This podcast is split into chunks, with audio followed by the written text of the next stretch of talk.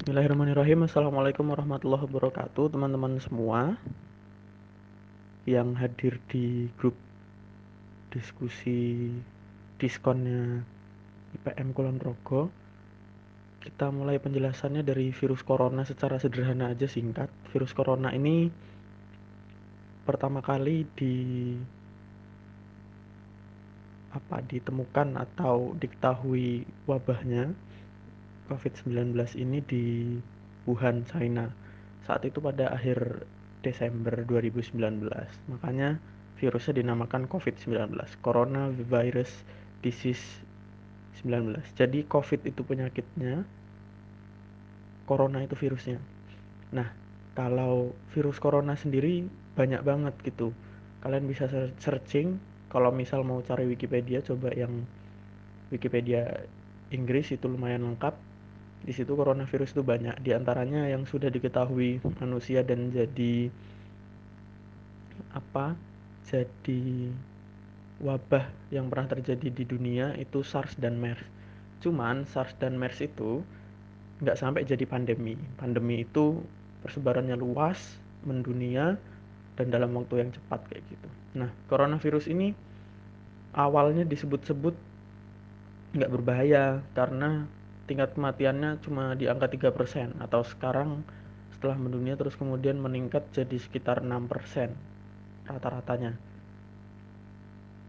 Ada yang di atas itu, ada yang di bawah itu. Nah,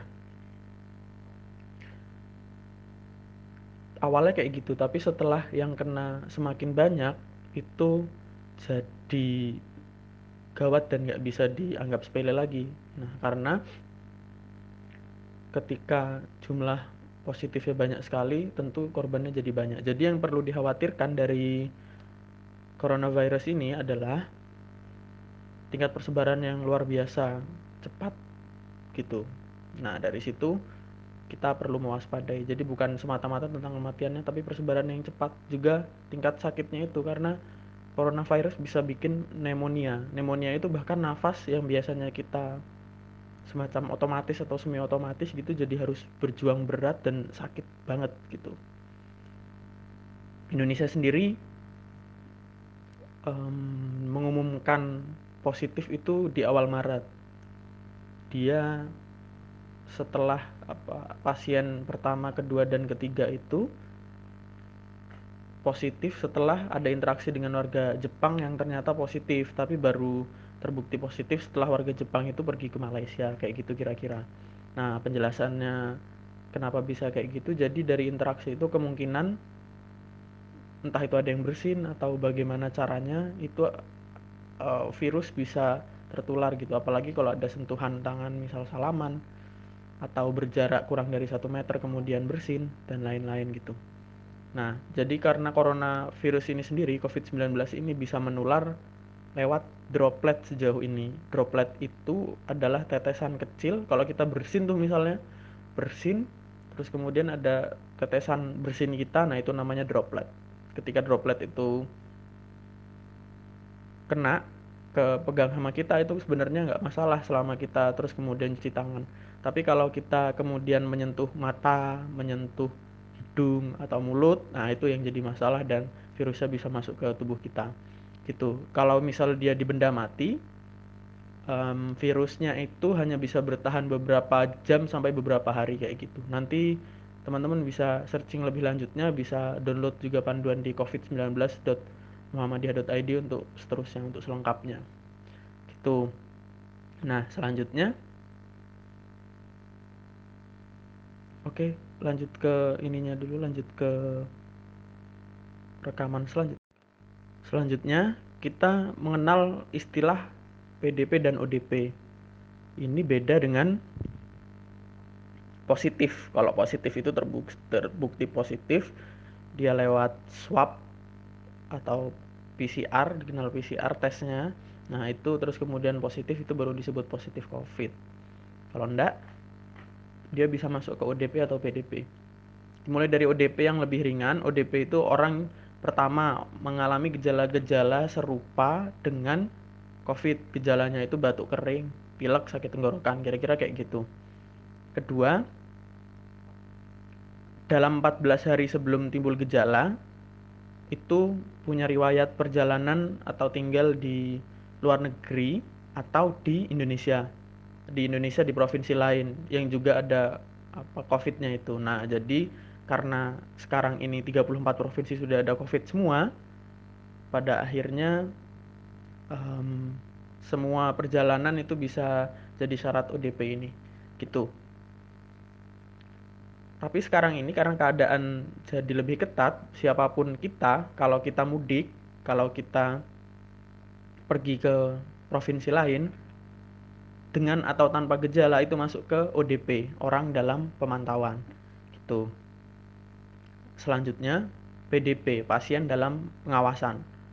Ini sudah ada apa gejala-gejala yang lebih parah. Jadi ada batuk sampai sesak nafas, sakit tenggorokan, sakit tenggorokan, pilek sampai pneumonia ringan sampai berat. Nah, itu ada ada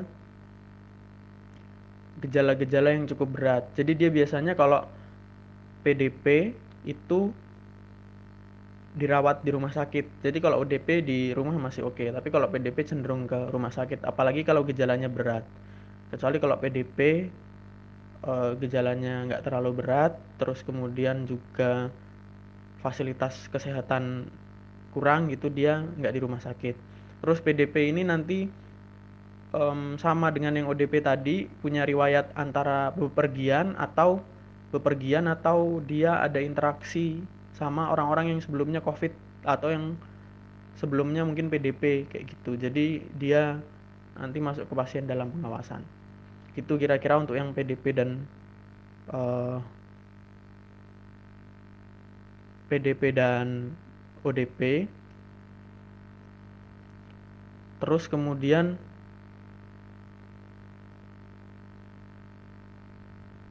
selanjutnya kalau di Indonesia sendiri itu ada yang bilang ngeyel.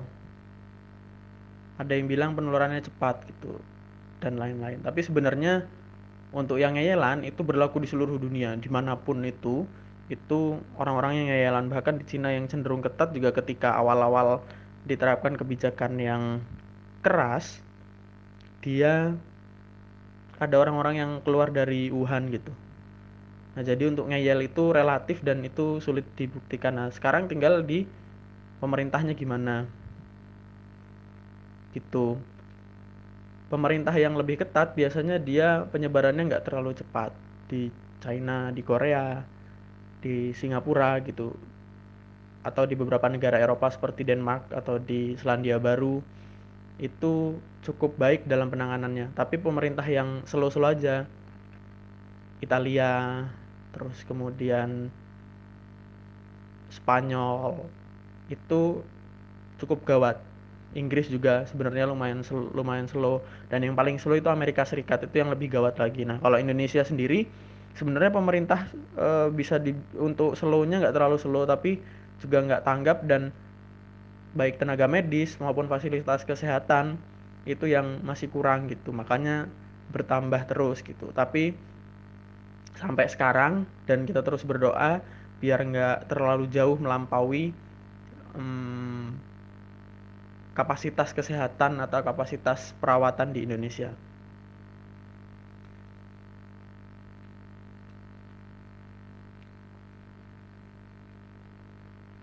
Nah, Terus selanjutnya kita sudah lazim dengan physical distancing. Physical distancing itu kita di rumah aja, kita sekolah online, kita kuliah online, kita rapat online, kita jaga jarak sama orang lain minimal 2 meter kayak gitu. Kita bisa melakukan itu semua dan physical distancing juga bukan berarti kita nggak boleh keluar tapi kita boleh keluar. Boleh keluar rumah kalau terpaksa. Kalau misal mau beli barang yang itu barang kebutuhan banget terus kemudian nggak ada layanan pesan antar atau delivery terus kemudian nggak bisa minta tolong orang dan lain-lain terus kita harus keluar itu nggak apa-apa. Tapi tetap jaga jarak 2 meter itu tadi juga keluar pakai masker. Sekarang kalau keluar rumah wajib pakai masker ya. Um, masker kain juga cukup menolong karena masker masker surgical mask atau masker medis juga N95 itu sangat sangat diprioritaskan buat uh, fasilitas atau tenaga medis. Gitu.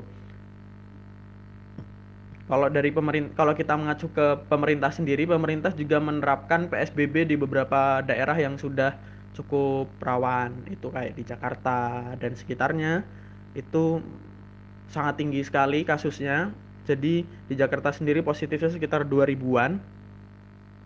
Kalau di Indonesia sendiri angka positifnya itu agak rendah dibanding dibanding negara-negara lain tapi juga cukup tinggi dan selalu meningkat di Indonesia sendiri positifnya berdasarkan yang diumumkan oleh pemerintah pada hari ini itu sudah 6.500 lebih 6.575 kasus yang paling banyak di Jakarta. Nah, di Jakarta itu sampai ke jumlahnya itu sekitar 3.000 kasus. Jadi dari 6.000 setengahnya sendiri ada di Jakarta karena itu kebijakannya harus ketat. Yang paling banyak selanjutnya ada di Jawa Barat, Jawa Timur, Jawa Tengah. Kalau DIY sendiri ada 67 kasus gitu. Nah, itu keadaannya kayak gitu. Jadi kita perlu ikut kebijakan pemerintah kalau yang di Jakarta, Jabodetabek dan sekitarnya itu ada namanya PSBB, pembatasan sosial berskala besar. Kalau itu ada ada perusahaan-perusahaan yang buka itu dilarang sama sekali kayak gitu. Kecuali yang terkait sama kebutuhan corona aja yang boleh dibuka itu bisa.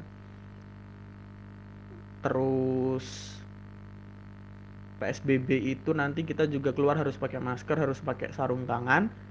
Juga selanjutnya kalau motor cuman boleh sendirian kalau mobil cuma boleh setengah kapasitasnya. Jadi di motor kita sendiri biar nggak ada interaksi atau penularan antar orang itu. Juga di mobil kita cuma boleh setengah biar meminimalisasi penyebaran virus itu gitu. Gitu. Kita disuruh di rumah di sekolah eh suruh di rumah terus kemudian sekolah online rapat online kuliah online ya itu biar mencegah droplet itu tadi bisa sampai ke kita terus kemudian menulari kita gitu. Dan ini usaha namanya flatten the, curve. Jadi meratakan kurva. Kurva apa? Kurva penularan itu. Kalau di wabah biasanya kurvanya cepat meningkat. Tambahannya meningkat banget pesat gitu. Kayak di Amerika misalnya dia bisa dalam 1 sampai 2 bulan itu puluhan ribu. Sekarang Amerika sampai 700 ribu kasus positifnya data kemarin kalau sekarang nggak tahu apakah sampai ke 750 eh, atau 800 ribu atau malah lebih. Amerika Serikat jadi yang paling banyak sedunia. Nah itu jangan sampai kita seperti itu. Gitu. Kita flatten the curve gimana caranya naik bisa naik namanya wabah pasti naik pasti ada masa-masanya naik tapi nggak se apa nggak sekejap mata terus langsung memuncak gitu. Karena kalau kayak gitu bisa gawat mengingat kurangnya fasilitas kita dan lain-lain. Itu itu usaha kita bareng-bareng. Kemudian juga hmm, sebenarnya ada istilah lockdown atau karantina wilayah itu sama sekali menutup suatu daerah aktivitasnya ditutup banget. Nggak boleh ada keluar masuk sampai mereda. Tapi di Indonesia susah dilakukan. Kenapa? Karena uh, lockdown itu semua aktivitas ekonomi harus tutup tanpa terkecuali. Kalau di China itu orang-orang pergerakannya dilacak. Nah di Indonesia teknologi yang seperti itu belum memungkinkan plus kita juga bukan negara otoriter dan juga kalau lockdown itu kebutuhan ekonomi, aktivitas ekonomi bisa runtuh. Indonesia yang belum masuk ke negara maju bisa gawat keadaan ekonominya seperti itu. Gitu dan kemarin juga sempat ada awal-awal kita dengar nama atau istilah social distancing itu jaga jarak sosial tapi kemudian diubah jadi physical distancing yaitu jaga jarak fisik. Jadi secara fisik kita berjarak tapi kita bisa tetap berhubungan secara sosial kayak gitu intinya.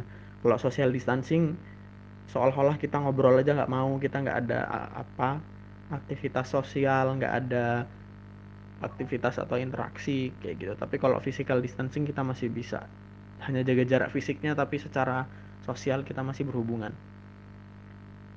Terus kalau ada darurat sipil istilah darurat sipil itu kalau darurat banget dia benar-benar apa diawasi sama militer dilakukan militer gitu orang-orang nggak boleh keluar malam. Ada jam malam namanya kalau kalau melanggar jam malam bisa nanti ditangkap bisa nanti dihukum dan lain sebagainya gitu juga ada isolasi mandiri. Nah isolasi mandiri ini dilakukan oleh bisa ODP atau PDP yang di rumah. Kalau ODP misal nih ada yang terpaksa mudik. Misal aku mudik aku dari Jogja mudik ke Lampung. Terus kemudian sampai di Lampung aku otomatis jadi PDP walaupun nggak ada gejala. Eh de, sorry jadi ODP walaupun nggak ada gejala. Aku jadi ODP kemudian di rumah wajib isolasi mandiri. Isolasi mandiri itu 14 hari minimal di rumah terpisah dari um, saudara-saudara atau keluarga yang lain di rumah dan selama itu meminimalisasi interaksi antar aku sama keluarga kayak gitu. Atau ya kalau nggak bisa kayak gitu ya yang penting di rumah aja. Tetap di rumah nggak keluar rumah kayak gitu. Nah ketika di rumah kenapa 14 hari? Karena masa inkubasi kira-kira 14 hari dari masa inkubasi dari virusnya ini jadi waktu virus untuk masuk ke badan manusia terus kemudian berkembang dan jadi penyakit itu kira-kira 14 hari. Ada yang kurang dan juga bisa lebih. Beberapa penelitian bilang bisa lebih tapi sampai sekarang pedomannya masih 14 hari standarnya itu. Kemudian hmm, secara sosial yang jelas sosial dan finansial ya corona ini memangkas atau menghilangkan mata pencarian banyak orang. Sekolah-sekolah juga pindah dan lain-lain. Pokoknya aktivitas secara umum lumpuh. Karena kita harus jaga jarak nggak boleh sekolah tatap muka dan nggak boleh kuliah dan lain-lain gitulah. Aktivitas kita dijaga banget gitu. Nanti dampaknya bisa ke psikis juga. Kita kurang interaksi kita nggak ketemu orang. Apalagi kalau sampai harus isolasi banget itu bisa ngaruh kesepian dan lain-lain. Kalau misal dia positif atau dirawat di rumah sakit dan diisolasi banget dia bisa disudutkan stigma masyarakat yang luar biasa. Jadi dampaknya justru kadang dampak dari corona ini yang paling ngeri itu bukan penyakitnya tapi stigma. Dan ini ditegaskan juga oleh WHO lawan kita adalah stigma um, egois egoisme kita itu lawan dari lawan kita yang sesungguhnya dalam menghadapi wabah ini selain dari uh, penyakitnya itu sendiri gitu. Tapi secara lingkungan sebenarnya kita um, mengalami kebaikan atau peningkatan kualitas lingkungan di mana kualitas lingkungannya itu di mana-mana di kota-kota besar atau kota-kota kecil di mana pun itu kualitas udaranya meningkat pencemaran baik materi PM 2,5 atau PM 10 itu menurun. Bahkan kota-kota besar kayak Jakarta, Surabaya, Semarang yang biasanya panas dan langitnya kelabu karena banyaknya debu atau polusi itu jadi cerah gitu gara-gara corona ini. Tapi kita nggak bisa seperti itu. Perubahan lingkungan yang kita mau nggak bisa nggak bisa disebabkan wabah kayak gini. Kita nggak bisa hidup dengan wabah yang terus mengancam kayak gini. Jadi perubahan lingkungan yang kita lakukan ya memang harus dorongan dari kita. Jadi jangan dianggap di ketika corona ini lingkungan membaik terus itu baik enggak karena begitu nanti selesai ya lingkungan akan kembali lagi gitu. Keadaan lingkungan polusi akan kembali banyak terus kemudian partikel PM10, PM2,5 kembali meningkat dan lain-lain. Kota-kota besar juga kembali kelabu langitnya, kualitas udaranya menurun dan sebagainya gitu. Itu sih dan sejauh ini ini dihadapi seluruh dunia. dampak sosial dampak ekonomi keadaan lingkungan dialami seluruh dunia jadi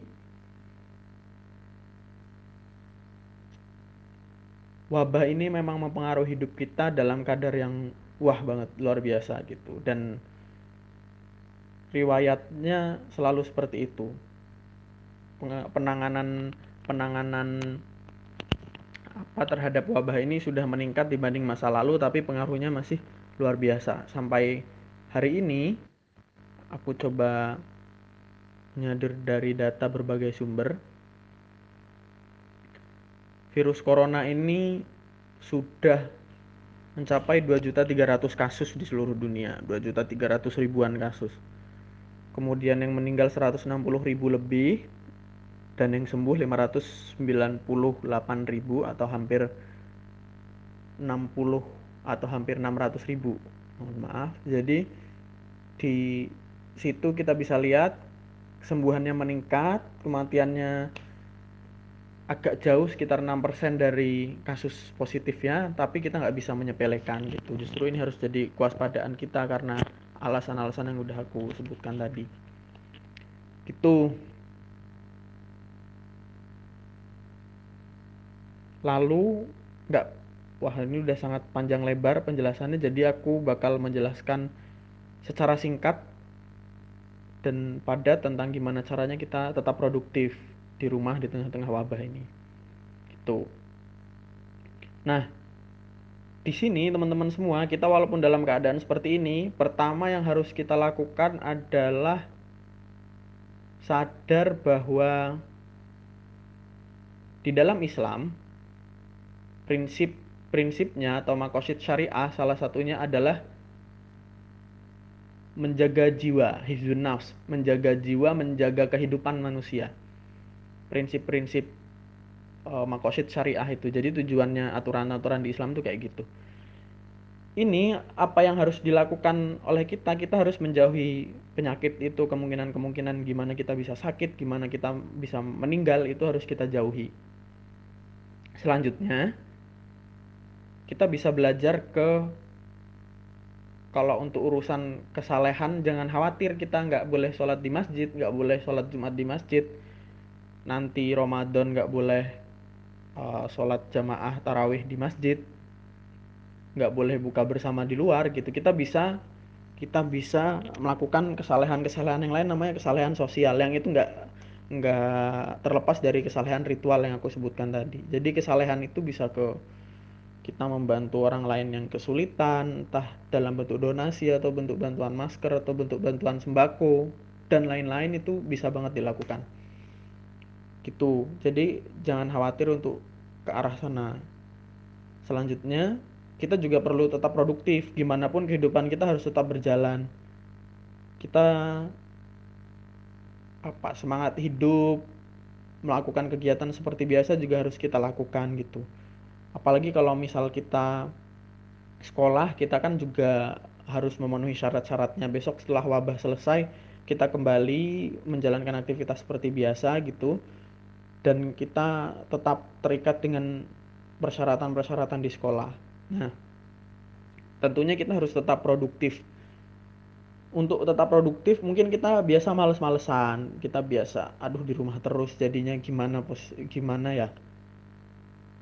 Jadinya bingung, jadi nggak produktif, terus kemudian jadi mager banget jadi keseringan game keseringan buka laptop melakukan hal-hal yang buang-buang waktu kayak gitu. Padahal di sisi lain kita bisa melakukan yang yang uh, bermanfaat banget. Bahkan sebenarnya wabah ini uh, beberapa bulan kita tinggal di rumah ini bisa mendatangkan dampak-dampak positif banget buat kita. Dampak positifnya apa aja? Pertama ketika masa-masa seperti ini kita bisa banyak belajar tentang pedoman hidup bersih dan sehat. Kita bisa banyak tahu ternyata hidup kita, pedoman hidup kita sejauh ini belum bersih dan belum sehat kayak gitu. Banyak info-info yang kita dapatkan kan. Kedua, kita bisa memutus yang namanya lingkaran setan. Kalau ada kebiasaan-kebiasaan yang biasanya nggak bisa dilakukan karena kurang waktu misal males-malesan. Misal kebanyakan ngegame. Misal um, suka nggak teratur jam tidurnya jam bangunnya. Misal punya kebiasaan-kebiasaan buruk lainnya suka apa ya? Pokoknya melakukan hal-hal yang menurut kita buruk gitu deh. Nah itu bisa banget kita kita tuntaskan atau kita berantas di masa-masa pandemi ini. Jadi untuk belajar atau kerja dari rumah kita bisa melakukan beberapa tips berikut. Pertama kita bangun di waktu normal pagi pastinya pas subuh gitu dan melakukan rutinitas yang seperti biasa. Jadi jangan kayak liburan gitu jangan nyantai-nyantai. Kedua coba rencanakan ngobrol-ngobrol atau coffee break gitu istilahnya sama teman-teman. Entah lewat telepon entah lewat grup chat entah lewat fit call gitu tapi sebaiknya lewat fit call ya pastinya itu dengan teman-teman teman sekolah teman kerja gitu-gitu selanjutnya coba dipisahkan ruang kerja sama ruang buat rebahan buat nyantai-nyantai kalau bisa beda ruangannya. Jadi kamar dengan ruang kerja, ruang belajar itu beda. Kalau kita bisa memisahkan ini, itu nanti kita bisa produktif gitu. Kalaupun nggak bisa beda kamar, paling nggak di sisi kamar yang beda. Jadi misal eh, di tempat ada kasurnya gitu, kalian jangan di kasur, tapi di meja atau di sisi lain kamar yang itu nggak bikin kita nempel sama kasur. Karena nempel sama kasur bikin kita gampang tidur, ngantuk dan lain sebagainya. Selanjutnya tetap istirahat yang cukup, istirahat di sela-selanya atau istirahat malam. Pokoknya istirahat yang cukup karena pertama itu bikin kita tetap produktif, nggak bete.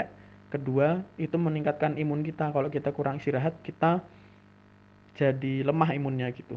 Selanjutnya, kita perlu olahraga kecil. Nomor 5, kita perlu olahraga kecil.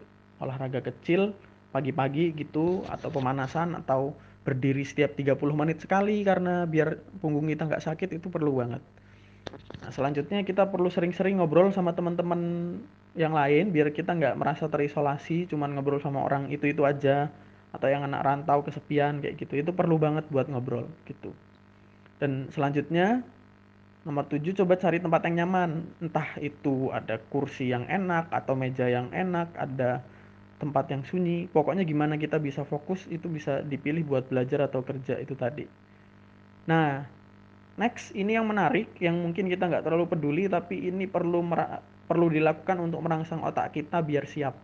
Kita harus menggunakan baju yang sesuai buat sekolah atau buat kerja gitu. Jadi nggak nggak dengan baju yang seadanya baju tidur gitu.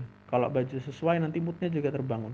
Bukan seragam banget sih tapi yang penting bajunya sesuai gitu selanjutnya kita perlu jam kerja atau jam belajar yang jelas. Kalau misal mau kerja dari jam 8 sampai jam 4 atau sekolah dari jam 7 sampai jam 2 ya jam segitu. Di luar itu kerjakan tugas cukupnya kita perlu ngelakuin aktivitas lain yang santai-santai baca buku main dan lain sebagainya gitu. Nah kemudian biasanya kita pergi-pergi ke uh, tempat lain kan. Wah, pakai waktu yang biasa kita lak, uh, gunakan buat pindah satu tempat ke tempat lain buat baca buku. Oh baca buku ini kita bisa tamat baca buku banyak kalau misal kita melakukan kebiasaan ini gitu.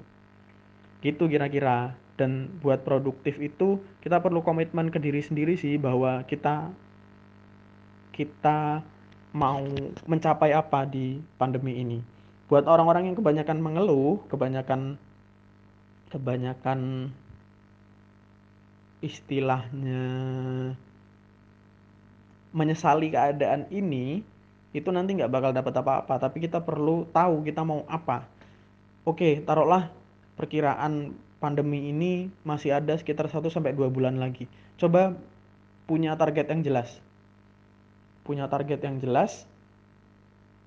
Dek pasang targetnya, terus kemudian kita mencapai ke sana. Target apa? Misal pertama, aku mau baca 5 buku, menamatkan buku serial Bumi Manusia misalnya. Bumi Manusianya Pram. di waktu itu kita perlu uh, menyempatkan waktu untuk baca buku gitu atau kita mau menulis misal menulis dua hari sekali menulis satu tulisan nggak usah panjang-panjang 500 sampai 1000 kata gitu sekitar 2 sampai 4 halaman itu bisa kita lakukan. Kita perlu target-target yang kayak gitu. Atau selanjutnya kita mau bisa memasak. Coba aja memasak bisa setiap hari bisa dua hari sekali tiga hari sekali. Itu atau kita mau menghafal Al-Quran menghafal Al-Quran. Bisa kita menghafal Al-Quran setiap hari. Kita harus uh, menghafal Al-Quran di waktu-waktu luang. Sore misalnya kita karena nggak boleh main keluar kita bisa baca Al-Quran. Menambah waktu selain yang uh, pagi itu tadi kita bisa menghafal banyak sekali kayak gitu. Atau ada keahlian-keahlian apa? Misal di sini ada teman-teman yang senang di IT tapi biasanya cuma ngegame ngegame aja. Coba didalami keahliannya kayak gitu. Belajar nanti gimana caranya bikin web, gimana caranya web itu ada SEO-nya, terus kemudian dan lain-lain gitu. Atau ada teman-teman yang suka nyanyi, coba habiskan waktu-waktu luangnya, itu jangan gabut aja atau ngegame dan lain-lain, tapi coba bikin cover lagu. Itu kan juga bisa meningkatkan kebahagiaan kita, senangnya kita, nanti bisa diupload ke Instagram, diupload ke YouTube dan lain-lain. Itu banyak hal banget yang jelas pertama coba punya target yang jelas, kedua disiplin, ketiga konsisten dilakuin terus. Gitu. Nanti setelah selesai dari pandemi ini, selain kita lega dan terhindar dari penyakitnya secara fisik, kita juga bisa punya kebiasaan-kebiasaan yang luar biasa banget. Yang mana nggak mungkin kita lakuin kalau di hari-hari biasa karena waktu kita udah penuh buat sekolah, buat organisasi dan lain sebagainya. Kayak gitu kira-kira. Itu sih teman-teman. Yang jelas coba bikin target ya. Dan target itu kalau bisa ditulis. Kalau teman-teman biasanya lupa kita perlu nulis dan kasih tahu targetnya ke teman-teman lain kita mau punya target apa dan coba dilakuin. Begitu kira-kira. Hmm, coba nanti di diskusi ini teman-teman bisa nanya ke yang lebih spesifik lagi. Nanti kita bisa diskusikan gimana enaknya kita bisa bertukar pikiran juga. Kayak gitu kira-kira. Selamat mencoba dan semoga uh, bermanfaat tips-tipsnya tadi tapi yang terpenting gimana caranya teman-teman tetap sehat jangan lupa bahagia karena itu semua menyelamatkan atau meningkatkan imun kita dan jadi kunci kita meloloskan diri bertahan hidup setelah wabah atau pandemi ini selesai. Terima kasih.